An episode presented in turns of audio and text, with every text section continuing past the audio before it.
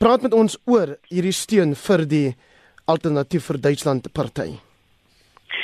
Ek dink daar's drie belangrike aspekte wat mense miskien na moet kyk. In die eerste plek dat dit is die eerste keer dat ses partye sedert die vroeë 50er jare genoeg stemme gekry het om deel te word van die laarhuis in, in die Duitse wetgewer.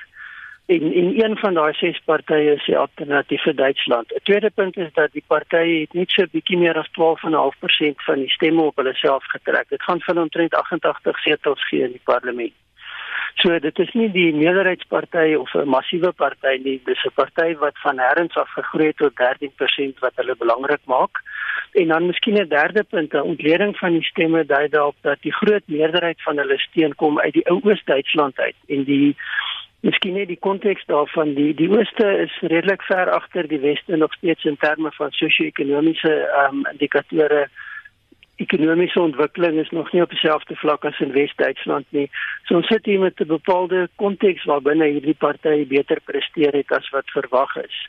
Ehm um, Mens moet sien wat hulle gaan doen. Ehm um, duidelik uh, aanduiding op die stadium is dat niemand wil met hulle in 'n koalisie tree met hulle saamwerk nie. Dit lyk of daar 'n redelike sensitiwiteit is vir die bestaan van so 'n party.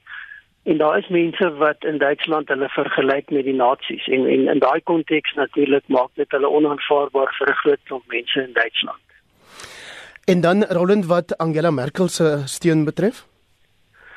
Ja, interessant. Ehm um, sy het nou nie so goed gedoen as wat hulle graag sou wou nie, maar as jy net die stempersentasies gaan vergelyk, dan het sy maar so bietjie minder as 3% gedaal in terme van die vorige verkiesing met haar party se prestasies. So sy is nog steeds by verre die grootste party, maar maar soos in die verlede ook nie genoeg om alleen die regering te vorm nie. Sy sal moet 'n koalisie regering vorm.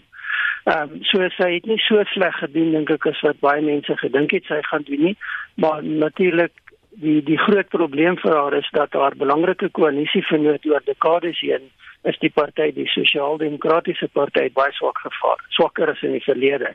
Hulle het net so bietjie meer as 20% van die stemme gekry. En die party het gesê hulle gaan nie weer deel van die koalisie vorm nie. Hulle het te swak presteer. Hulle gaan in die oppositiebanke sit.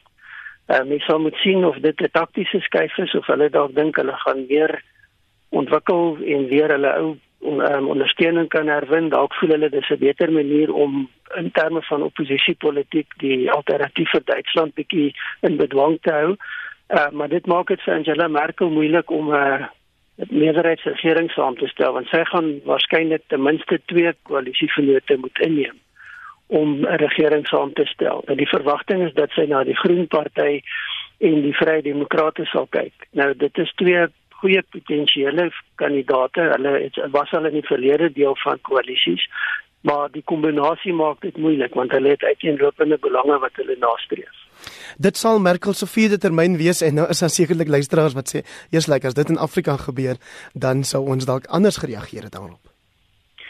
Ja, daar is sekerlik mense wat dit gaan sê, maar ek dink 'n mens moet weer eens die konteks daarvan gaan bekyk. Ehm um, dit is uitsonderlik ook in Duitsland. Dit is nie sommer net dat 'n leier 'n vierde termyn wen nie. Ehm um, ek dink deel van die uitdaging wat sy het is dat 'n vierde termyn maak haar baie meer blootgestel dat ons weet in demokrasie word kiesers baie vinniger moeg vir leiers en daar's 'n meganisme om van hulle ontslae te raak.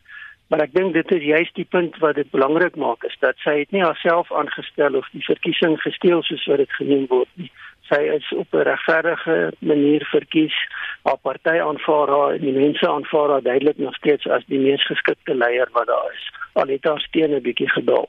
Maar die belangrike punt hier is om te sien of sy 'n volle termyn gaan uitdien en en wat met haar gaan gebeur. Want ons het dit ook al gesien in Europese politiek dat 'n leier word verkies, maar in so 'n lang politieke lewe iewers vorentoe dan is dit as die kiesers net hulle rug op jou draai, jou party draai en jou partygenote draai hulle rug op jou en dan raak hulle onseremonieel van jou ontslaa.